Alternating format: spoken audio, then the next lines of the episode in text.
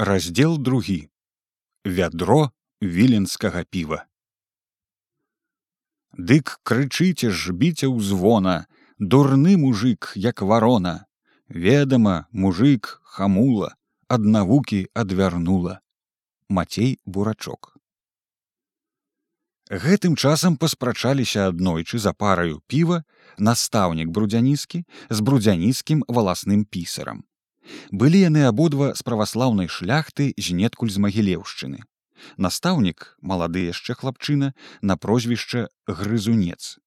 Пісар старэйшы векам на прозвішча даўбежка настаўнік скончыў настаўніцкую семінарыю у полацку ці маладзечне што былі тады адчынены для абрушення краю. Пісар выбіўся ў гару паслужыўшы ў войску пісарам у роце Настаўнік быў танкатвары, бледны, задумлівы, але з людзьмі наогул даволі ветлівы, прыемны і толькі часам на злосць каму падкуслівы і ўпарты як казёл. Пісар жа быў таўстаморды, амбітны уладалюбны. І паспрачаліся яны на тэму аб адукацыі простага народу. Пісар пан даўбежка з розумам і сталасцю даводзіў, што навука простаму народу патрэбна столькі, колькі свіні сядло, што мужикоў вучыць у школе, толькі іх псаваць, толькі сеяць спакусу і распусту. Створаны яны, казаў ён, для фізічнай працы, таму і навуку ўспрымаюць цяжка.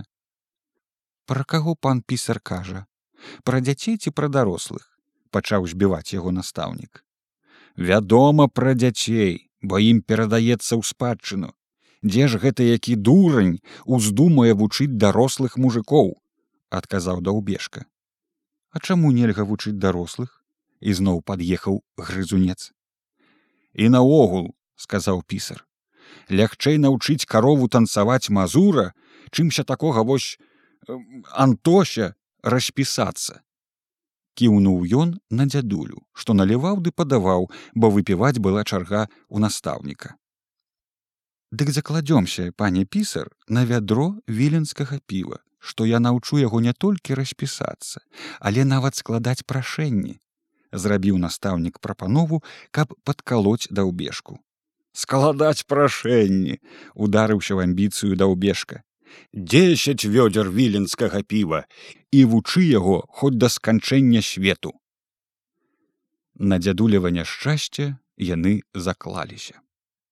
Аднак жа не без тэрміну, а толькі на паўгода, бо пісару, калі пайшло ў сур'ёз, вельмі хацелася скарэй папіць настаўніцкага піва. Заклад рабілі ўвосень, а пад вясну дабравольна стварылася экспертная камісія з людзей ахвотных выпіць. Збоку настаўніка быў фельчар гліснік, худы як палка, бо ніяк не мог ён выгнаць сваіх кішак салітэра. Збоку даўбежкі быў яго памочнік, пісарчук, прозвішча якога мне казалі, ды я забыўся. А на вярхоўнага арбітра гліснік і памочнік выбралі праслаўленага дзяка райскага, якога ніхто ніколі не перапіў. Камісія сабралася ў настаўніка, паклікалі дзядулю, пасадзілі за стол пасярод класа і задалі яму пісаць прашэнне ў воласць аб прыбаўцы яму пенсіі тэрміну далі гадзіну. А калі дзядуля хвілін праз двадцать не вельмі папацеўшы напісаў і напісанае паказаў дык фельчар гліснік ад пачуцця пацалаваў яго дзяк райскі ад здзіўлення перахрысціўся а памочнік сагнуўся паглядзеў пад стол ці няма там якога фокусу і пастанавілі, што пан пісар, на жаль, десять вёдзер віленскага піва прайграў, а настаўнік яго шчасце выйграў. Пілі тое піва два разы, пакуль не выпілі. Першы раз пілі, калі мірылі даўбежку з жонкаю, набіў яе, бо вельмі ж за няўдалы заклад грызла. А другі раз пілі, калі праваджалі настаўніка, бо начальства перавяло яго ў другую школу, яшчэ горшую забрудзянісскую з суровым папярэджаннем, каб больш падобных педагагічных эксперыментаў не рабіў. Выскачыў дзядуля сваёю пісьменнасцю, як піліп той сканапель. І думаў ён, думаў, нічога лепшага не прыдумаў, як пачаць цяпер судіцца і завёў ён суд сельскім вобчаствам вёскі жабракоўкі за свой надзел каб вярнуць яго сабе назад а вобчаства на якіх-то там падставах права пісанага ці звычаёвага даўно яго надзелам завладала. І цяпер упёрлася. Ні за што не аддаваць. А тым больш такому няўдзячнаму што і хату яму перавезлі і паставілі як замуж дзеўку выдалі а ён лезе ізноў. Суд цягнуўся як на тыя часы не сказаць каб доўга. Так прыблізна гадкоў восем. І ўсё то з пераменным для дзядулі шчасцем то яму прысуджалі то яму адсуджалі але дзядуля у пэўных выпадках быў вельмі моцны духам для свае ідэі не шкадаваў нічога папрадаваў усё апрача хаты. Траплялася, што, паплаціўшы гербавыя зборы, сядзеў жонкаю і сынам на адным хлебе. Заўсёды вельмі смачным, калі яго мала. Каб было на што судзіцца, кінуў дзядуля мізэрную пасаду стоража пры школе, знайшоў сабе большы заробак на чыгунцы, што пачалі тады праводзіць з Петербурга на варшаву. Нават і бабулю цягаў туды з сабою, ад дзвінска і да вільні. Усе выемкі ў гарах і наспы на балотах гэта можна сказаць усё іх работа. Зараблялі добра без хлеба не сядзелі. Наладзілі падзел працы.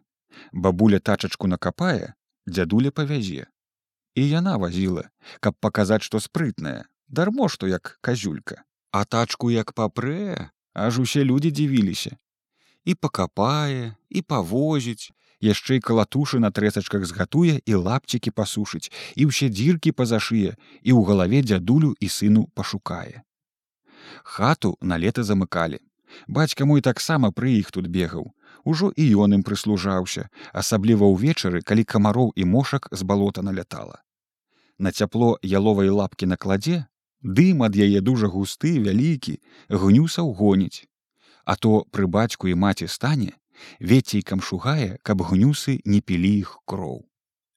І чыгунку збудавалі, дзядуля ўсё судзіўся, усё не падаваўся. Разоў колькі і ў арышце пабываў, то за знявагу суддзяў, то якога іншага начальства, а да вёўткі справу ажно да сената. А сенат адмовіць, пайду з прашэннем да самога цара, крычаў ён у хмялю. Ракам папаўзу да петербургу а надзел свой высуджу з горла вырву! Людзі ў хмялю як вядома бываюць розныя. Хто плача а хто скача хто смяецца а хто б'ецца дзядуля ўзяў сабе такую моду. Ці толькі выпіў зараз цягнуўся ўжо на людзі ды дзе шумней дзе больш народу. І там крычаў ён і лаяўся на ўсю глотку. Лаяў усіх каго ўздумаў нягледзячы на асобы паноў і рускае начальство пстрычку і махлярчыка нават нябожчыка настаўніка грызунца хо той ужо даўно паспеў памерці дзесьці ад суход грызунца лаяў за тое на што на ліха наўчыў яго пісаць прашэнні. А найболей заўсёды daставалася пану пісару даўбежцы бо дзядуля думаў што ён найболей шкодзіць яму ў судовых справах. І ўсё пакуль што неяк абхадзілася хоць даўбежка як казалі нават кляўся што некалі ўпячэ яго за грубіянства і знявагу як мае быць. Кляўся і не мог даць рады